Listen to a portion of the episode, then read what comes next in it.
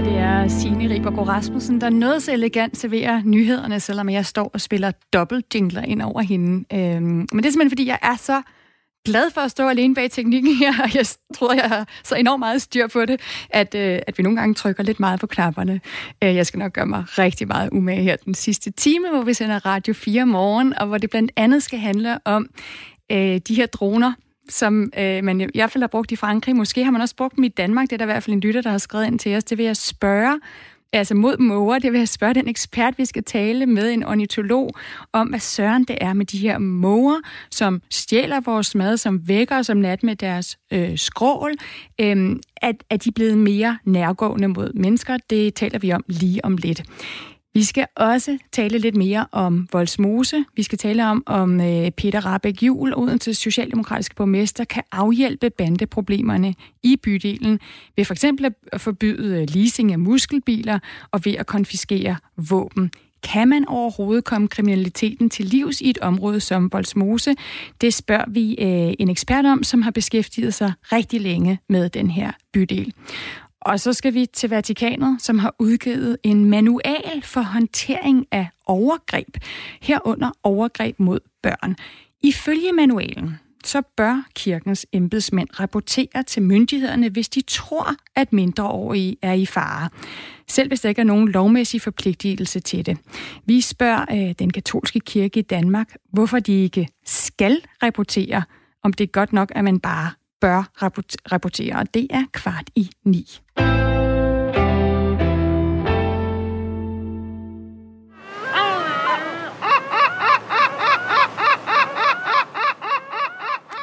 Det skal handle om måger, og det skal handle om, hvorvidt de er blevet for stor en plage, øh, både øh, i, i Cannes i Frankrig, hvor vi lige har hørt, hvordan de både angriber hinanden og angriber børn, men også her i Danmark, hvor at øh, de stjæler folks øh, fiskefiléer direkte fra tallerkenerne, og hvor øh, de holder os vågne om natten med, øh, med deres skrig. Og nu kan jeg sige godmorgen til Kjeld Tommy Pedersen. Godmorgen. Du er øh, videnskabelig fugleringmærker for Zoologisk Museum og ornitolog. Og siden du var 14 år gammel, så har du interesseret dig særlig meget for måger. Må jeg lige starte med at spørge dig om, jeg, jeg, øh, jeg kom jo til at kalde dem for himlens rotter. Hvordan har du det med det? Det har jeg det sådan set ret dårligt med, fordi at, at, øh, at, at det giver os jo et, et, et syn på naturen, når vi snakker om sådan. De måger her, vi har med at gøre, det er jo, det er jo, det er jo en del af den danske natur. Og når, når vi ser den i bymiljøet i dag, så er det faktisk en lang udvikling, som, som, som strækker sig til, en, til, til cirka 120 år tilbage, hvor, hvor hættemårene blev en del af det, af, af det københavnske bymiljø og, store andre, og andre store, øh, store byer som Berlin og Hamburg. Og øh, det, det her, det har nok skyldtes, det beskrives som at være et eller andet, der skete under en storm, men, men årsagen har nok været, at vi har haft vores, øh, vores lossepladser og, og udløb og forskellige fødekilder, som, som de her fugle har lært at udnytte. Det er jo sådan, så de har lært at udnytte de her fødekilder, som vi mennesker skaber. Og det er også det, vi ser nu, ser en, en, en videre udvikling af nu. Nu har de lært at tage isen ud af hånden på, på folk, når man går for kafeteriet af. Øh, men, men egentlig er det noget, som, som der har været der hele tiden. Vi har haft et, et, et rigt fugleliv i vores parker i den tid, hvor man, hvor man gerne vil have, at man fodrer dem. Og, og, og det er sådan set en, en udvikling af det. Også når vi ser, at de nu vælger at, at, at bruge vores hustag som, øh, som ynglepladser. Det, det fungerer godt. Man får tre unger bag en, bag en ventilationskanal, og der er ikke noget, der forstyrrer her, og der er der er noget mad i omgivelserne, men det er egentlig ikke derfor, det er, for de er der. Det er der, fordi det er et sikkert sted at være, det finder de ud af hen ad vejen. Men, men Kjeld, øh, Tommy Pedersen, de, de skriger, de larmer, de stjæler folks mad. Øh, de, ja, der er i hvert fald nogen, der vil mene, gør simpelthen gaderne utrygge. Øhm, kan du ikke forstå det synspunkt? Det kan jeg sagtens forstå, men, men jeg synes også, det er overdrivet. Vi kan ikke, tælle, vi kan ikke tælle fugle de egenskaber, at de stjæler. De gør, hvad de kan for at overleve, og det er føden, de går efter. Hvilken skade kan de gøre? De kan godt i nogle tilfælde være generende eller chokerende, hvis de lige snupper isen ud af hånden for dig, og du ikke, på dig, og du ikke var forberedt på det. Men som sådan er måger ikke skadedyr. Måger har en vigtig funktion har en vigtig funktion i, i, i naturen, og vi gør faktisk også meget for at passe på nogle af arterne. Hvad er det med mågen? Altså hvis, hvis jeg nu tager en solsort eller en, en musvit, øh, som jo også er at finde i byerne, så kunne den jo aldrig finde på at nappe en is ud af et lille barns hånd, eller sætte sig på et cafébord og spise mine, mine pomfritter. Hvorfor tør mågen Jeg det? tror faktisk godt, den kan finde på at sætte sig på et cafébord, men, Ja. men, men, men det er jo ikke en fugl, der er adfærd nogensinde bliver, bliver sådan, så den tager en is ud af hånden på dig. Det, det hører til mågens adfærd. Den er vant til at jagte andre, andre fugle for at få noget at spise, for eksempel. Men, men solsorten bliver ikke sådan, men alligevel har, den udvik, har solsorten udviklet sig fra at være en sky skovfugl til i dag at være noget, der i enkelte tilfælde, det jeg selv oplever, kan komme ind på køkkengulvet eller stuegulvet og finde et eller andet, man har tabt. Nu prøver jeg lige at sætte nogle øh, fakta på mågerne. Du ved meget mere om dem, end jeg gør, så du retter mig bare, øh, hvis der er noget, du vil tilføje. Men altså, den mest almindelige mågeart i Danmark, det er sølvmågen. Øh, og det er også øh, den, der ofte øh, øh, volder øh, problemer i, i byerne. I 2015, der opgjorde man bestanden, som var på omkring... Øh, 100.000 ynglepar. Øh, tilbage i 2010, der var den på 86.000, så, så bestanden er voksende. Igennem de seneste fem år, der har man kunne søge om tilladelse til at nedskyde måger, som, det, som man har haft problemer med igennem en, en længere periode. Øh, vi har altså fået tallene fra Miljøstyrelsen, som viser en stigende kurve i ansøgninger og tilladelser øh, øh, til at, at skyde lige så mange måger, som, som, øh, som der blev gjort i, i hele 2019. Alene i Kalundborg, der skød man 45 måger i bymidten i, i, i april måned i år. Øhm, så der er altså sket en stor stigning i bekæmpelsen af måger i byerne ig- igennem den her nedskydning. Øhm, Kjeld Tommy Pedersen, du har ringmærket måger i 40 år, så du er en af de mennesker i Danmark, der ved allermest om, om, om mågerne. Er nedskydning af mågerne i, i byen, er det en måde at bekæmpe dem på?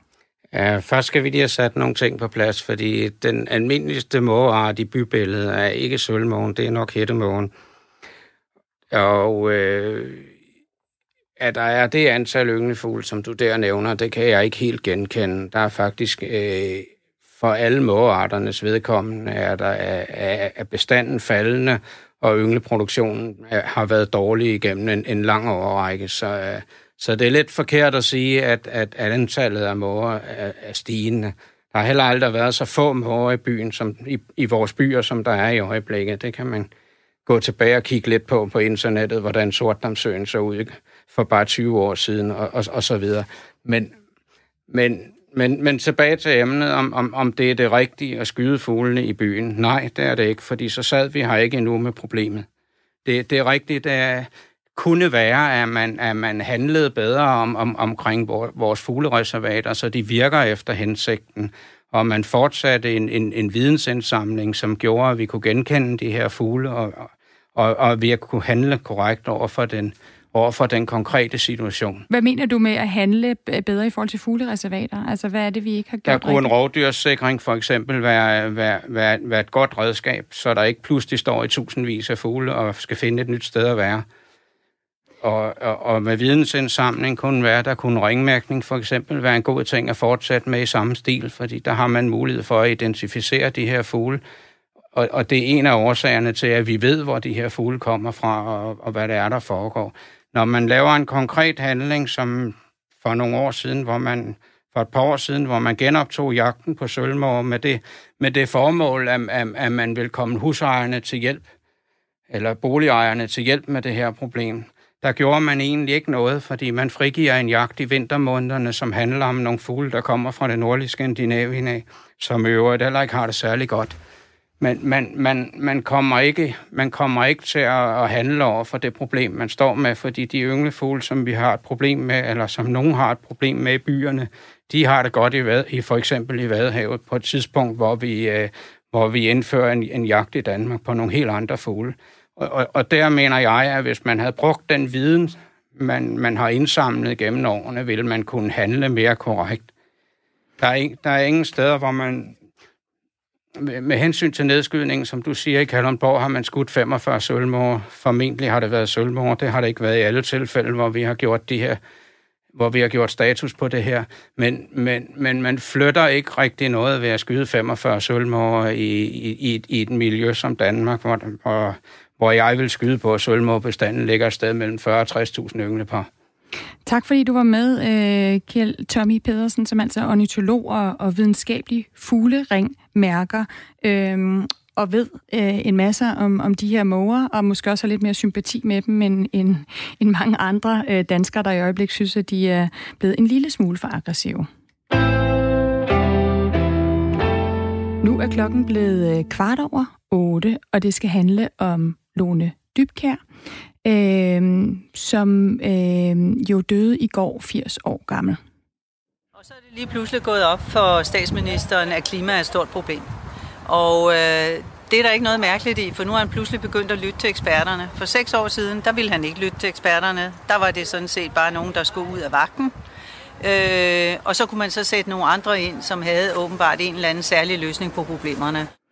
Ja, det var Lone Dybkær, vi hørte her, der sagde sin mening om den daværende statsminister Anders Fogh Rasmussens syn på klimaet. Hun døde altså i går 80 år gammel. Hun var den første kvindelige radikale minister, den første kvindelige miljøminister og det første medlem af Europaparlamentet for det radikale venstre. Men øh, hvordan var hun ellers? Det kan vi jo spørge dig om, Marianne Hjelved, øh, kirke- og skoleoverfører og medlem af Folketinget for Radikal Venstre. Hvordan var øh, Lone Dybkær som menneske? Hun var et dejligt, dejligt menneske. Og hun var, øh, hun øh, søgte jo hele tiden efter at få de bedste svar, og det rigtige svar altså, i hendes øjne. Og derfor var hun meget, meget vedholdende over for de øh, mål, hun havde, og det ønsker, hun havde for den retning, Danmark skulle tage. Både politisk indvendt eller internt i Danmark, og som et land i, i samlet kreds i EU. Så hun var et meget stort forbillede for rigtig mange kvinder. Hvordan var hun så som politiker? Jamen, der var hun altså utrolig stedig. Ja, det kan godt være, at ordet stedig lyder lidt kedeligt, men uh, hun var meget stedig, fordi hun var, som jeg plejer at kalde det, vedholdende. Og hun satte sig nogle mål, og hun gik ud og sagde, sådan burde vi gøre det. Og så blev hun ved og blev ved, indtil hun fik samlet så meget opinion, i det her tilfælde imod en statsminister, som var en stor Rasmus. Det er jo ikke en værd, der det blev skåret, der kan klare den slags ting. Men hun satte bare nogle mål, som hun synes var de rigtige, og så blev hun ved. Og hun har jo været en meget, meget stærk kvinde, og det er også et forbillede for rigtig mange andre kvinder. Fordi hun var jo alenemor med to små børn, da hun startede i politik og kom i, i Folketinget. Og det klarede hun også ved siden af, og det var hun jo lavet nyt på, at det krævede rigtig meget, men hun blev også et ideal. Hun ser tilbage i 70'erne og 80'erne. Der var en helt anden tid, den tid, vi lever i i dag. Der var hun bare forgangskvinden, der gjorde de ting, som var meget svært for alle mulige andre kvinder at gøre, fordi man skulle overskride nogle barriere, nogle fordomme imod kvinder i, i det offentlige liv. Marianne, var, undskyld Marianne Hjelved, du blev selv valgt ind i Folketinget for de mm. radikale i, i, i 1987, og her sad ja. Lone Dybkær jo også i Folketinget. Hvad, hvad var ja. dit første indtryk af Lone Dybkær, da du blev valgt ind? altså, jeg skulle ligesom stå mål for hendes øh, ambitioner. Jeg skulle ligesom bevise, at jeg også havde en, en vilje, og jeg også gerne ville noget. Hun var meget, på den måde var hun meget rap hæftet, også over for sin egen nærmeste. Men øh, jeg blev miljøoverfører efter hende, når hun tog til øh, New York til en stor konference, et stort møde derovre. Nu så sad jeg pludselig alene med alle de der miljøting, som jeg egentlig ikke var så meget inde i. Men jeg skal love for, at jeg kom hurtigt ind i det, fordi hun, nu siger jeg et ord, der er lidt dårligt, hun piskede en åndeligt talt til selv at tage stilling og til, til sig ind i tingene. Og så hun var en god lærermester. Jeg var meget, meget glad for at have hende som den første kvinde, der skulle også hjælpe mig i gang, da jeg kom i Folketinget. Nu, du har allerede været, været, været inde på, på, hvor meget hun har betydet for dig, og hvordan hun også ligesom har banet vejen for, for, øh, for kvinder øh, i, i dansk politik. Kan du prøve at sætte nogle flere ord på, på hvad det har betydet? Fordi hun, hun altså, vi husker jo Lone Dybkær øh, for, for den politiker, hun var, for en masse resultater. Øh, men hun var jo også på rigtig mange områder den første kvinde i rigtig mange roller. Hvad har det betydet? Ja. Jamen, det er jo netop det, der er, jeg synes, er rigtig øh, interessant, fordi på den måde skaber hun jo en, en øh, profil på det radikale venstre som parti, at hun, hun presser kvinderne i partiet til at stå frem og komme med og være med aktivt i politik på lokalplan og på regionalplan og på nationalplan, men også på international plan. Og på den måde blev hun jo altså simpelthen et forbillede, og den, der gik først, som vi andre fulgte efter på vores egen måde, om så må sige. Fordi hun ville jo heller ikke have, at vi skulle ligne hende. vi skulle være os selv, og vi skulle skabe den person, vi var i offentligheden. Det, øh, og hun var, på den måde var hun både meget følsom, også meget ihærdig og meget streng over for os, måske. Og det hun, jo... var, hun var en, et, en meget, meget stor forbillede for rigtig mange kvinder. Og det er jo noget, det er jo den her, de her, den her sammensatte person, som er kommet meget frem i de øh, ting, som folk, de nekrologer, de, de, de øh, hvad hedder det, minder, som folk også nu skriver om Lone Dybkær, både de meget personlige og de mere officielle. Altså det der med, at hun på den ene side, som du siger, var enormt stedig og, og, øh, og krævede enormt meget politisk, og så samtidig var så enormt åben og, og øh, øh, hvad skal man sige, øh, autentisk som, som, som person. Hvad ja. betød det øh, for sådan en ung kvinde som dig? Det var jo, altså, på en måde så viste hun jo også to dele af et menneske, nemlig den stedigheden og den, der var meget målrettet og arbejdede selv for at nå bestemt mål, men også den, der var meget følsom og lukkede op for at være følsom og indrømmede, at hun var følsom. Og altså, den der øh, todimensionale ting ved et menneske er jo meget, meget realistisk, men det er jo meget sjældent, at man ser det på en gang. Hvis enten ser du den eneste bare følsom, eller så ser du den, der er meget hård, og hele tiden går efter bestemte ting, og, og med sådan en streng stemme, om så at sige. Så det, det at man kunne være menneske, og man kunne være både følsom, og man kunne være stødig og ihærdig og målrettet mod noget vanskeligt noget, som man ville opnå. Det er jo også et alibi for det at være kvinde, og at få lov til at vise, at man har de her to dimensioner, som jeg synes er typisk for mennesker, men som kvinder måske er bedre til at vise end mænd til at vise. Marianne Hjelved, øhm, da du fik at vide, at Lone Dybkær var død, hvad, hvis du sådan ligesom nu tænker tilbage eller lukker øjnene, hvad er der, hvad er der for et enkelt øhm, en eks, eksempel, historie eller anekdote, som du ligesom mindes, øh, når du tænker på hende? Altså, Lone blev miljøminister, og jeg var også involveret i regeringsarbejde på det tidspunkt, og var i Grønland. Og Lone kom til øh, opdaget, at øh, Jens Bilkrav, som også var energiordfører, medlem af Radikal Venstre, og jeg prøvede at hjælpe grønlænderne til at øh, få en lempeligere måde at komme af med deres øh, øh, i restsager, der var for nogle miljøproblemer øh, problemer i nogle fjorde i Grønland. Og der opdagede Lone, og så kom hun til at stille, og så fik de sådan læst og påskrevet, at de måtte opgive alle de der forsøg på at lempe nogle problemer. De skulle bare gå den første, at det var umuligt og forbudt at udlede miljø i verdenshavene, eller miljøfarlige ting i verdenshavene. Det var simpelthen, der, var, der satte hun så op imod to, som siger, ret stærke øh, radikale politikere. Men vi blev nødt til at bruge nakken og følge hende. Det er jo sådan nogle ting, der gør, at øh, hun siger noget, og hun står ved det, og hun gør det. Og det var virkelig en kæmpe lærestreg, det her, at øh, vi kan ikke noget at smutte og prøve at gøre det lidt nemmere. Vi skal gå den rigtige vej. Tak, Marianne Hjelved, øh, kirke- og skoleordfører øh, og medlem af Folketinget fra Radikal Venstre, for at være med her til morgen og sætte nogle ord på øh, Lone Dybkør, som altså døde i går, øh, 80 år gammel. Ja.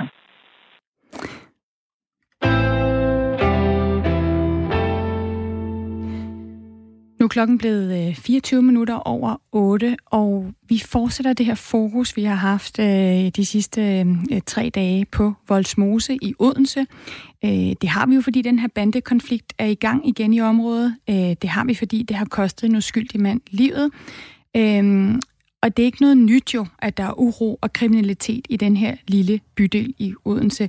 Med de seneste uroligheder i mente, der har Odenses socialdemokratiske borgmester Peter Rabeck Jul opstillet følgende tre forslag for Voldsmose. Politiet skal foretage flere rensagninger med henblik på at simpelthen at konfiskere våben. Øh, man skal kunne opløse utrygsskabende forsamlinger, og så skal bandemedlemmer og kriminelle heller ikke have lov til at kunne lease biler, specielt de her muskelbiler, som øh, der bliver brugt til at skabe øh, vanvidskørsel. Nu kan jeg sige øh, godmorgen til dig, hvis jeg ellers kan finde noget at skrue op. Her, Helle Lykke Nielsen, du er Ph.D. og lektor i øh, Mellemøststudier øh, fra Syddansk Universitet og har en årrække beskæftiget dig med Voldsmose. Jeg skal lige høre, om jeg har dig med. Godmorgen, Helle Lykke Nielsen. Det lyder som om, jeg har et lille problem med at få øh, Helle Lykke Nielsen øh, igennem, som jo skal hjælpe os med at, øh, at fortælle, hvad man egentlig kan gøre med de her øh, problemer med bandekriminalitet, som, øh, som vi har. Jeg skal lige prøve at se, om jeg kan finde ud af, øhm, er du med på telefonen nu? Hallo, jeg synes, jeg kan høre noget, men øh, vi har desværre ikke øh, hul igennem. Så jeg tror lige, vi tager øh, en lille pause, og så ser vi, om vi kan få fat på Helle Lykke Nielsen. Vi bliver bedre til at lave radio, hvis du blander dig. En bevægelse i protest af George Floyd, fordi jeg skal lige fulde nogle regler? Bliv en del af Radio 4's lytterpanel og giv din mening til kende. Hvad synes du om vores indhold og om os? Hvem fanden tror, danskerne bruger en masse penge i oktober? Og hvordan skal fremtidens taleradio lyde? Du er ikke sådan en fucking mikrofonholder, ligesom andre, de andre idioter. Jeg håber, at du har lyst til at være med, så vi sammen kan sikre den bedste radio. Meld dig til på radio4.dk. Her finder du linket til lytterpanelet nederst på hjemmesiden. Nu prøver jeg lige at se igen, om jeg har held med at have øh, Helle Lykke Nielsen igennem. Godmorgen. Det tror jeg simpelthen ikke, øh, jeg har. Vi prøver lige på den anden telefon. Nu kan jeg høre dig måske. Godmorgen. Ja. Ja, Godmorgen. det var godt. Det var godt. Helle Lykke Nielsen, du er Ph.D. lektor i Mellemøststudier for Syddansk Universitet. Og så er du jo en lang årrække beskæftiget dig med Voldsmose. Det er derfor, vi har dig igennem. Vi har fulgt øh, i et par dage de øh, roligheder, der har været der, øh, blandt andet på grund af det mor øh, på en uskyldig mand, der skete øh, i sidste måned. Du har jo forsket det her i rigtig lang tid. Nu er der kommet tre forslag på banen fra politikerne. Øhm, tror du, de her tre forslag kan løse urolighederne i Voldsmose? Nej, det er klart, at de ikke kan løse urolighederne i Voldsmose, men de kan jo nok tage toppen af den øh, utryghed, som beboerne oplever, når der, når der sker sådan nogle ting, som der sker i øjeblikket. Øh, altså, det er jo klart en god idé, som, som øh, borgmesteren foreslår, at våbnene skal væk fra Voldsmose, fordi så kan de jo ikke bruges, øh, bruges mod andre mennesker og ramme uskyldige. Men det er jo ikke nogen let sag at få fjernet alle de her våben, vel? Øh, det er også en god idé at kunne opløse de her truende forsamlinger for at, og, altså hvis man kan mærke, at der er en stor gruppe unge, der bliver sådan ophidset og der, der eskalerer en eller anden situation, sådan så man kan skabe noget tryghed i området. Men det kan være lidt problematisk, fordi hvornår er en forsamling truende, hvornår er den ikke truende. Jeg tror, den bedste idé, øh, man kommer med her, ikke, det er jo at etablere den her enhed på tværs af skat og kommuner og politi, så de kan stresse de kriminelle, øh, og så prøve at få fat i dem, der kører i de her øh, leasede øh, muskelbiler. Fordi så får man både bilerne væk fra vejene, og så får man skabt, øh, skabt øh, noget mere sikkerhed. Og i det hele taget altså stress de kriminelle, øh, og der tror jeg, at man kan nå, det ved man fra andre sammenhænge, at man kan nå ret langt, når flere enheder arbejder sammen på tværs øh, og laver et systematisk øh, godt politikommunalt arbejde. Ikke? Men det er jo et langt sejt træk, det er jo ikke noget, der virker her nu. Men, man, men det har jo også været et langt sejt træk. Man har jo prøvet i rigtig mange år, øh, øh, Helle Lykke Nielsen, som, som jo altså har, har beskæftiget sig med, med den her problematik. Hvad, hvad, er der noget, man har gjort andre steder? Det er jo ikke nødvendigvis bare et voldsmoseproblem, det her med bander. Det er jo et problem, vi ser mange steder i Danmark. Øh, hvad, hvad har man gjort, som har haft mere langvarig virkning? Jamen, øh, problemet er jo, at der er ikke rigtig nogen smart øh, snuptagsløsning eller noget magisk værktøj, der ligesom løser, øh, løser bandekriminalitet og kriminalitet i det hele taget. Ikke? Det er et meget langt sejt træk, og det lykkes ikke altid. Altså det, man ved, der virker på kort sigt, ikke? det er jo, når man sætter politi ind med mere mandskab, fordi så kan man holde områderne under opsyn, og man kan få fat i våben og narkotika, og så stresser man de kriminelle. Så de fjerner sig fra området. Øh, så flytter det så øh, Øh, ofte et andet sted hen. Ikke? Og det er, jo så, øh, det er jo selvfølgelig ikke at løse problemet, men så får man lidt ro i de øh, udsatte områder. En anden ting, man også ved, der virker på kort sigt, det er jo, at øh, beboerne øh, når de ved noget om kriminalitet, hvis de har optaget noget på en video, hvis de kender noget til, til, til nogle af de problemer, der er, så skal de selvfølgelig informere politiet eller kommunen. Men det kræver jo, at folk er villige til at gøre det. Det kræver, at, at folk er lojale over for myndighederne, og det er jo ikke altid tilfældet af, af mange forskellige grunde. Helle Lykke Nielsen, kort... undskyld, nu afbryder jeg dig simpelthen, fordi vi, vi rører ind i nogle, nogle, nogle nyheder. Vi havde lige problemer med at få dig igennem. Kan jeg ikke lige bede dig om at, at hænge på? Så tager vi lige nogle spørgsmål på den anden side af nyhederne, hvis du kan. Det er det okay? Det er helt okay. Det er så fornemt.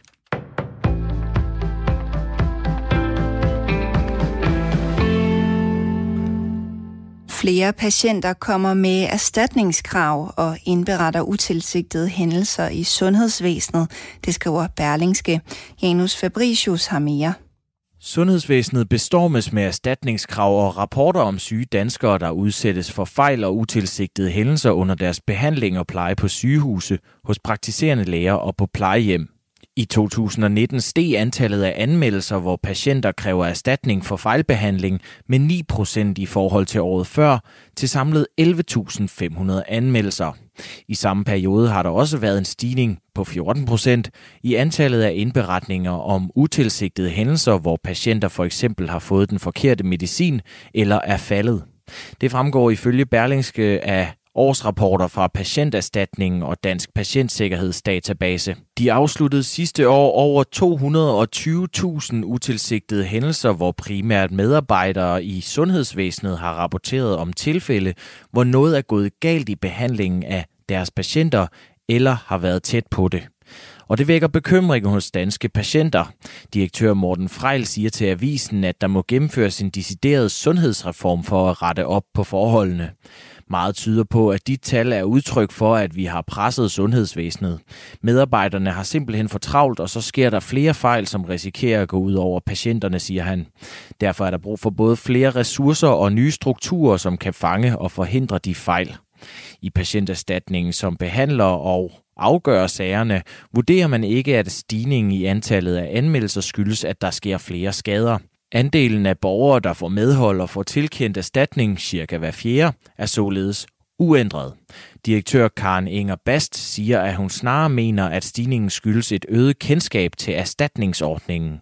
Hun peger også på, at medieomtale af enkeltsager eller såkaldte serieskader har bidraget til stigningen. Og det fortalte altså Janus Fabricius. Litervis af håndsprit og kasser fyldt med handsker og beskyttelsesmasker er siden marts måned forsvundet fra hospitaler, plejehjem og butikker.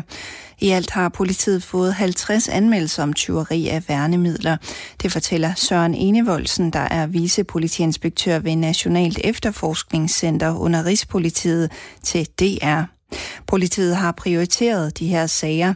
Det gjorde vi særligt i starten, for på det tidspunkt stod vi over for en akut situation, hvor der var mulighed for, at Danmark som nation løb tør for værnemidler, siger han.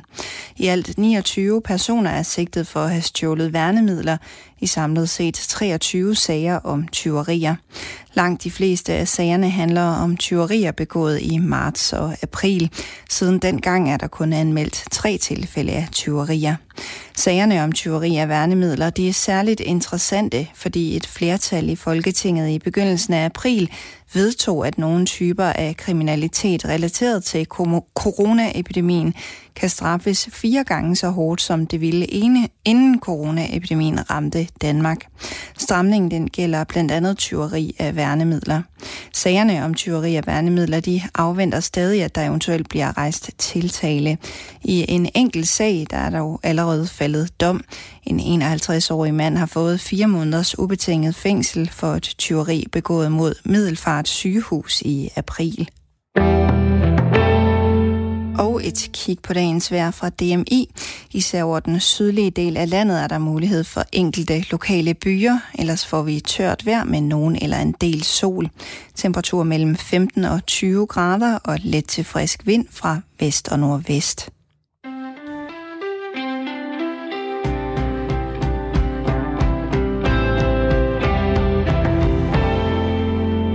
Klokken er 8.34, og øh, vi fortsætter lige interviewet med Helle Lykke Nielsen, øh, som er lektor i Mellemøststudier for Syddansk Universitet, og som vi taler med, fordi vi jo de her dage øh, følger øh, udviklingen i Voldsmose, for at prøve at finde ud af, hvad søren det er, der sker der øh, med bandekonflikter, med en uskyldig mand, der har mistet livet. Hvad kan man egentlig gøre på lidt længere sigt, når øh, ministeren, borgermøderne osv. er overstået. Hvad hjælper? Øhm, og Helle Lykke Nielsen, du talte om nogle af de ting, man har gjort andre steder, der har haft mere langvarig virkning. Altså udefra, der kan det jo synes som om, der konstant sættes nye initiativer i gang og laves nye reguleringer, for eksempel for voldsmose. Er det fordi de gamle tiltag ikke virker, eller er det fordi de kriminelle finder veje udenom? Altså, det er lidt en blanding af forskellige ting, ikke? At nogle, nogle tiltag er urealistiske, hvis nu øh, man beder politiet om at finde alle de her våben, øh, som er der, øh, men man mangler med mandskab, man ikke, har, man ikke giver ressourcer nok til området, så kan det jo ikke fungere i praksis. Og det er også klart, at kriminelle søger andre veje for at tjene penge. Hvis de bliver stresset i et område, så flytter de øh, til noget andet. Øh, men alt i alt, øh, når, øh, når der sættes så mange initiativer i gang, så er det jo fordi, der ikke er nogen smarte løsninger og nogen snuptags ting, man lige kan gøre. Omvendt så politikerne er jo nødt til at gøre noget. De kan jo ikke bare sidde og sætte på situationer, som, som det, der sker i Voldsmose i øjeblikket. De er jo valgt til at løse problemer. Så de gør det bedste, de kan. De prøver at vise handlekraft og finde på nogle, nogle løsninger, der kan hjælpe lidt med at tage, tage toppen af utrygheden. Men det er altså en meget, meget svær opgave.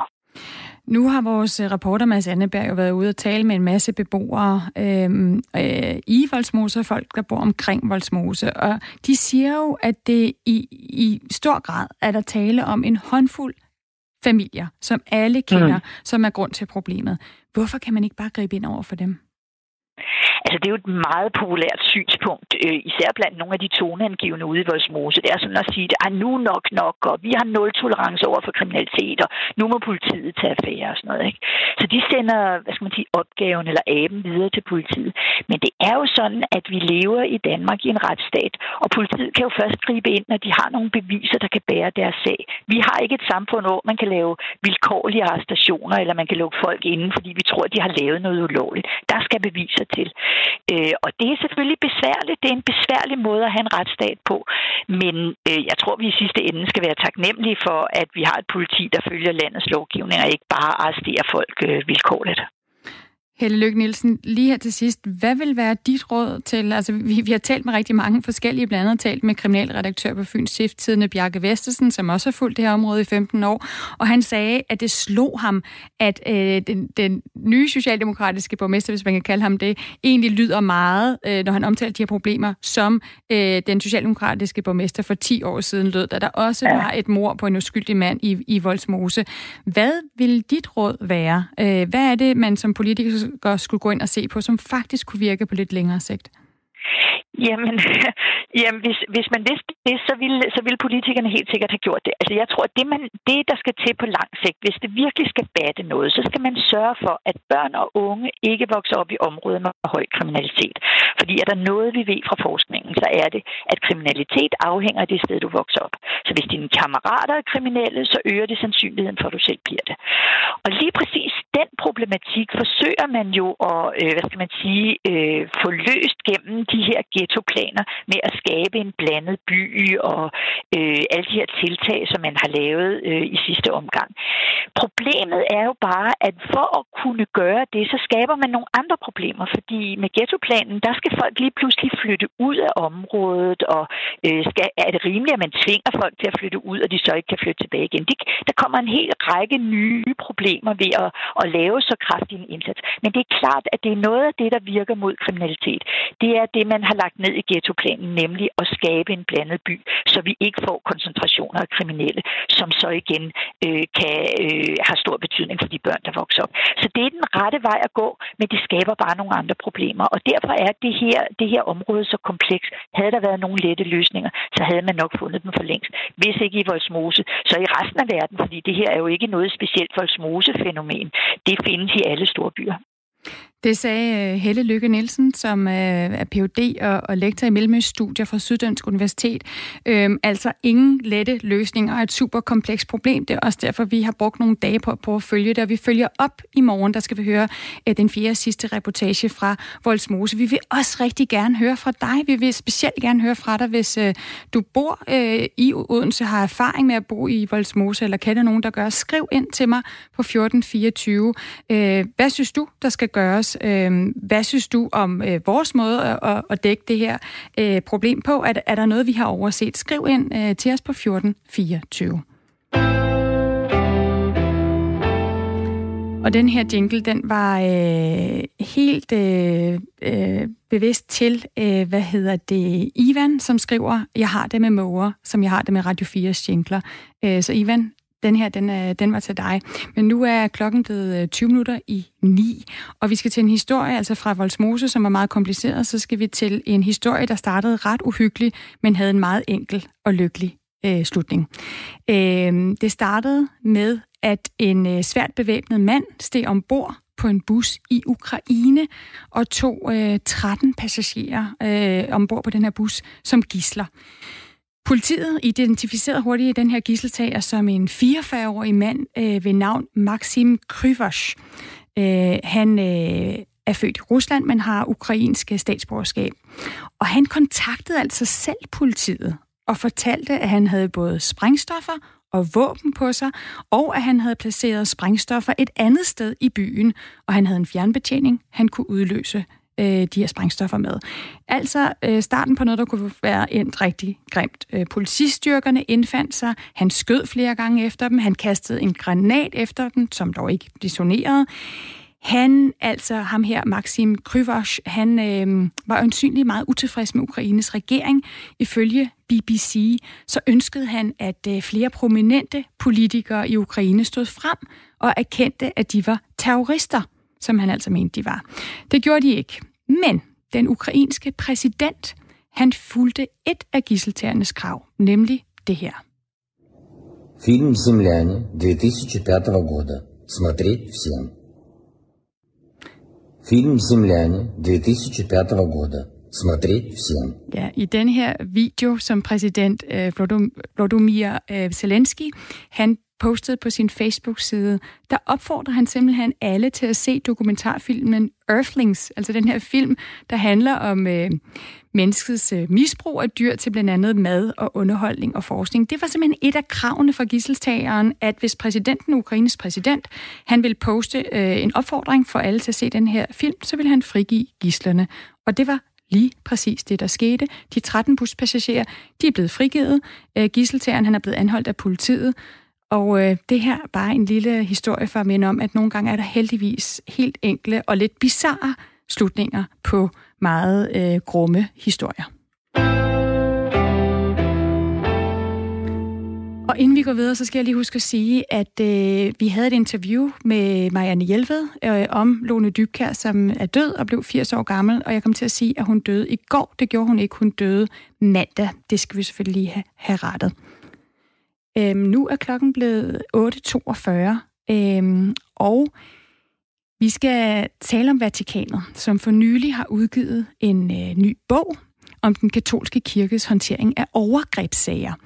I den 162 punkt lange manual, der står der blandt andet, at kirkens embedsmænd bør rapportere til myndighederne, hvis de tror, at en mindreårig er i fare, selv hvis der ikke er nogen lovmæssig forpligtelse til, dig, til det. Øhm, der er tale om en manual, hvor man altså kan vælge at følge den, øhm, men det er altså ikke katolsk kirkeret, at man skal følge denne her manual. Og nu kan jeg sige uh, godmorgen til uh, Nils Engelbrecht.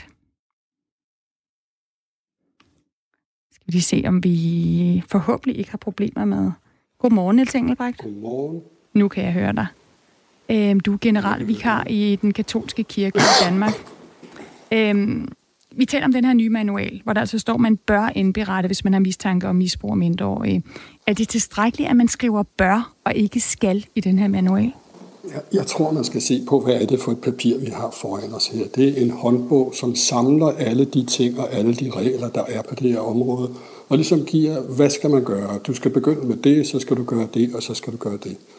Øh, og først så fortæller den også, hvad, der, hvad det handler om. Hvad er de her øh, forskellige overgreb og misbrug? Og det er alt fra noget, der er fysisk til øh, seksuel kontakt på internettet osv. Øh, og det næste skridt, det er at finde ud af, hvordan man, hvordan, hvad, hvad, når man får en information, den kan man på på mange forskellige måder. Der er nogen, der kan fortælle om nogle rygter, der er nogen, der kommer direkte og siger, at er blevet misbrugt osv. Så, så man skal jo finde ud af først, er der en sandsynlighed for det her, at det er rigtigt. Så der skal man gøre det. Og så står der, og så skal man underrette øh, de civile myndigheder. Også i det tilfælde, hvor det ikke er noget, der er kriminelt i forhold til den lov, der gælder på stedet. Så det er ikke noget, man bør. Der står simpelthen, at du skal gøre sådan og sådan og sådan. Men, så det, det er ikke noget valg. Det, men, det er en instruks om, hvordan man skal gøre det. Men Niels Engelbrecht, altså generalvikar i den katolske kirke i Danmark, det er jo ikke en, en lov. Hvorfor udgiver man en manual frem for at lovgive? Jamen, den samler jo lov. Det er jo allerede i 2011, at der kommer instruktioner om, at man skal samarbejde med de civile myndigheder og sørge for, at de bliver orienteret. Ja, men undskyld, jeg skal bare lige forstå, den her manual, at det er rigtigt, det er ikke kirkeret, vel? Nej, det er en samling af kirkeret. Hvor, det er, ligesom, der, hvor der nu står, at man skal indberette overgreb mod øh, Jamen, det, det, det er jo allerede fortalt tidligere. Så du er uenig i det her, at vi siger med, at der i denne her manual står, at man bør, og ikke at man skal? Fuldstændig uenig. Det er en opskrift, der siger, hvad du skal gøre. Først skal du gøre det, så skal du underrette de civile myndigheder. Også i det tilfælde, hvor det ikke er ulovligt. Fordi der kan jo være forskellige grænser for, hvad der er lovligt og hvad der er ulovligt. For eksempel kan der være forskellige øh, seksuelle lavaldre i forskellige samfund. Okay, øh. lad os lige, lad os lige prøve at kigge på det, på de her forskelle, der er. Øh, I Danmark, der har alle, der får kendskab til, øh, at et barn eller en ung udsættes for vandrygt eller vold eller mishandling eller seksuel overgreb, øh, eller lever under forhold, der bringer det sundhed eller udviklingen i fare, der har man pligt til at underrette kommunen. Og det gælder ja. også for den katolske kirke. Ja, men, selvfølgelig gælder det det. Det men, står jo også i vores retningslinje. Yes, men sådan er det jo ikke i alle EU-lande. I eksempelvis Østrig, Bel- øh, Belgien og Grækenland, der er der ingen pligt for præster i civilt eller officielt embede til at indberette mistanke om overgreb ja, mod børn. Ja. Og jeg læser lige lidt mere op, inden, inden jeg spørger dig om noget her. Dertil så er tavshedspligten i forbindelse med skrifte udvidet i flere lande herunder Polen, hvilket betyder, at man har lov til ikke at indberette det, hvis oplysninger fremkommer under skrifte. Og sådan er det også i en række amerikanske delstater, en række østater og en række lande i Afrika, hvor man altså til gode ser den her øh, tavshedspligt. Hvordan kan det så være godt nok, når der er de smuthuller?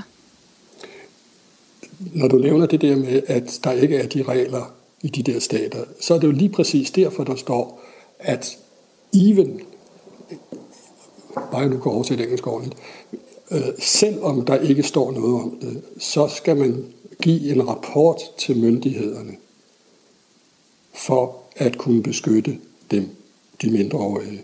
Sådan som vi gør ved serviceloven i, i Danmark, som du lige har citeret. Så kommer vi til det andet meget svære spørgsmål. Og det er jo, at det skriftemålets hemmelighed er ikke noget, der kun gælder bestemte stater. Det gælder i hele den katolske kirke. At en præst kan aldrig fortælle, hvad der er sagt i skriftemålet. Og, Men og hvordan skal man håndtere gøre, det Han kan gøre alt for at få vedkommende til at fortælle det uden for skriftemålet. Okay, så i manualen står der, at skriftemålets sejl skal respekteres, men når overgreb skriftes, så skal et formodet offer eller en formodet gerningsmand opfordres til at foretage anmeldelser til myndighederne. Det betyder altså, at præsten ikke selv skal gå til myndighederne, men han skal prøve at få at vide, han at det er barn prøve at få, Han skal prøve at få vedkommende til at fortælle sig det uden for skriftemålet. Og, og hvis det ikke sker, så kan man ikke gøre noget? Nej. Okay, at, synes du så, at det er, at, at det er at gå langt nok, hvis, øh, hvis man som præst faktisk sidder inde med den viden, men man ikke kan få for eksempel barnet eller gerningsmanden til uden for skriftemålet at uh, fortælle om det problem, der er? Det er rigtigt. Det er en meget, meget svær situation, at skriftemålet altid er fuldstændig hemmeligt. Øh, og hvis det ikke var fuldstændig hemmeligt, så ville det ikke eksistere. Så hvordan, øh, hvordan mener du, man skal håndtere det? Altså det betyder jo så, eller lad mig spørge dig på en anden måde. Er det vigtigere at have et hemmeligt skriftemål, end at varetage børns øh, tag? Det er rigtigt nok, at det er et forfærdeligt svært spørgsmål. Men det er også et sted, hvor børnene kan komme og sige noget. Øh, hvor de ved, at det ikke bliver sagt videre. Og hvor den, der sidder der, skal hjælpe børnene til at få det anmeldt uden for skriftemålet. Øh, mener du, Niels Engelbrecht, altså generalvikar i den danske katolske kirke, mener du som, som katolik, som voksen menneske, at den katolske kirke gør nok for at komme det her til livs? Jeg synes, at den katolske kirke gør utrolig meget for øjeblikket for at komme det til livs. Du peger på vanskeligheden med skriftemålet. Men præsten, der sidder i skriftestolen, har jo i den grad muligheden for at hjælpe et barn til at komme videre med det. Men det kan også godt være, at barnet aldrig vil gå hen og sige det til ham, hvis ikke det var sikker på, at her kunne det fortælle noget, som det ikke kan fortælle andre steder. Så du tror simpelthen nogle gange, det kan være en hjælp, at, der, at det er et hemmeligt skriftemål, at man på den måde kan få ting at vide, man ellers ikke ville vide? Ja, og også kunne hjælpe folk. Og samtidig så ved vi jo, at der har været en enorm problem med overgreb på små børn, netop blandt i den katolske kirke. Ja, det er rigtigt. Men de små børn har også en mulighed for at komme der, hvis de ikke kan fortælle det andre steder, og få hjælp til at fortælle det. Det sagde øh, Niels Engelbrecht, general øh, vikar i den danske øh, katolske kirke i, i Danmark, øh, om den her øh, nye manual, der er kommet i den katolske kirke, som altså siger, at man, at man bør øh, indberette, hvis man ved, at der er foregået øh, overgreb. Nu er klokken blevet 10 minutter i 9. Vi slutter dagens udsendelse med noget øh, lidt anderledes. Noget, der ligger lidt uden for, for nyhedsstrømmen. Øh, godmorgen, Dennis Buchleitner. Det er da utroligt, som vi har problemer med teknikken i dag. Jeg skal lige finde ud af at kigge lidt på min... Øh... Ja, nu ser jeg lige, prøver jeg lige igen at sige godmorgen til Dennis. Godmorgen. Du er i studiet, dejligt. Ja. Øh, Dennis Bukleitner, du er en af Danmarks øh, dygtigste poetry slammere. Men her i, øh, i juli, der deltog du også i en video, øh, der var lagt op af organisationen Hus Forbi. Øh, der deltog du i en snak om, om hjemløses forhold på gaden. Øh, jo også fordi du selv har været tidligere misbruger af, af has. Du fortæller i videoen, at du voksede op i, i trygge rammer på Lolland, men altid havde stor trang til at bryde ud af rammerne, og at det her misbrug øh, af hash fulgte med. Hvad skulle der til, Dennis Buchleitner, for at du skiftede hashen ud med poesi? Åh, oh, altså, det vigtigste at forstå, når man er afhængig af noget, synes jeg, øh, det er, at det altid kommer af et behov. Det er et behov, du dækker, og det behov, det er legitimt. Det er okay at have, hvad end behov du dækker med for eksempel has eller alkohol eller spil, eller hvad man nu er afhængig af. Så det vigtigste er i virkeligheden at finde ud af, hvad er det, jeg forsøger at give mig selv ved for eksempel at ryge has. Og øh, det, der var med mig, det var, at øh, jeg kedede mig. Jeg synes, at øh, livet var, var kedeligt. Øh, så det, det handler om, det er jo i virkeligheden at fylde sit liv med spændende ting, som man godt kan lide, og som, man, som får hjertet til at hamre, og øh, får blodet til at rulle, og gør en glad, og giver en lyst til at stå op om morgenen. Så, øh, så det har været en stor del af det at, at komme ud af, af, af et hasmisbrug, det er at finde ud af, jamen, hvad er det, der kan begejstre mig i, i hverdagen. Og det er blandt andet det at optræde og undervise med, med Poetry Slam. Og hvad er det så, at Poetry Slam kan? Jamen, jeg synes, at Poetry Slam kan noget andet end, øh, en, øh, en traditionelle skrevne digte, og, og kan noget andet end, end, øh, end hiphop i den anden ende af, af spektret. Altså Poetry Slam, det er jo øh, sådan set bare spoken word sat ind i et konkurrenceformat. Og spoken word, det er mundtlig litteratur. Så det, som spoken word kan, og det, som øh, det kan, når det bliver til Poetry Slam, det er jo at lave en form, som alle kan forstå. Øh, i Poetry Slam så handler det om, at du skal skrive et digt, som en 90-årig øh, bedstemor forstår, som en øh, norsk backpacker forstår, som en 14-årig pige forstår, fordi at det er publikum, der skal give dig point og sikre dig sejren. Så det skaber i virkeligheden en, en form for digte, en form for lyrik, som er til at forstå med det samme, som man ikke skal have studeret litteraturvidenskab i flere år for at kunne afkode. Øhm, så, så er der jo det her corona, der har påvirket os alle sammen. Øhm, og det kunne man også forestille sig har påvirket øh, Poetry Slam i din comedy club. Øhm, fordi man jo ligesom skal være fysisk sammen for at være sammen om det her Poetry Slam. Hvordan har det været? Jamen, det har jo været rigtig svært, fordi det vigtigste for mig og, og hele mit projekt, det er live-kultur. Øh, det er, at vi øh, kommer ud af ledersofaen derhjemme og ikke kigger så meget ned på vores skærm og læser dårlige nyheder op for hinanden og bliver mere og mere angste. Øh, det, der er modgiften mod den udvikling, det er, at vi kommer ud og oplever ting sammen, hører historier om, hvem vi er, hvor vi kommer fra, om vores fælles forbindelse til hinanden.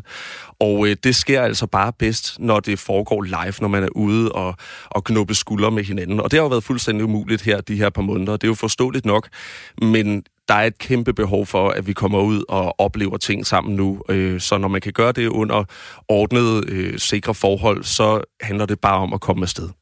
Og vi kan jo starte her, for du er gået med til at dele nogle af dine øh, tekster med os her til morgen. En tekst i mol og en tekst i dur. Ja. Vil du starte med den i mol? Ja, den i mål, den øh, er så skrevet her under coronakrisen.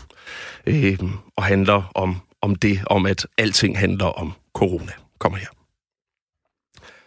Mit sprog er gået i stykker, i sygdom og minder.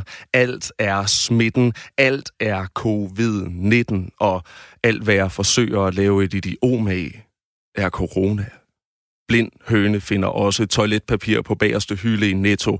Heller en fugl i hånden end 10 pensionister efterladt på et spansk plejehjem. Alt godt kommer til den, der venter helt tæt på de andre i køen. Vil i dag dødeligt syg i morgen, men vi skal blive inde Nød lærer nøgen kvinde at spinde kirurgmasker.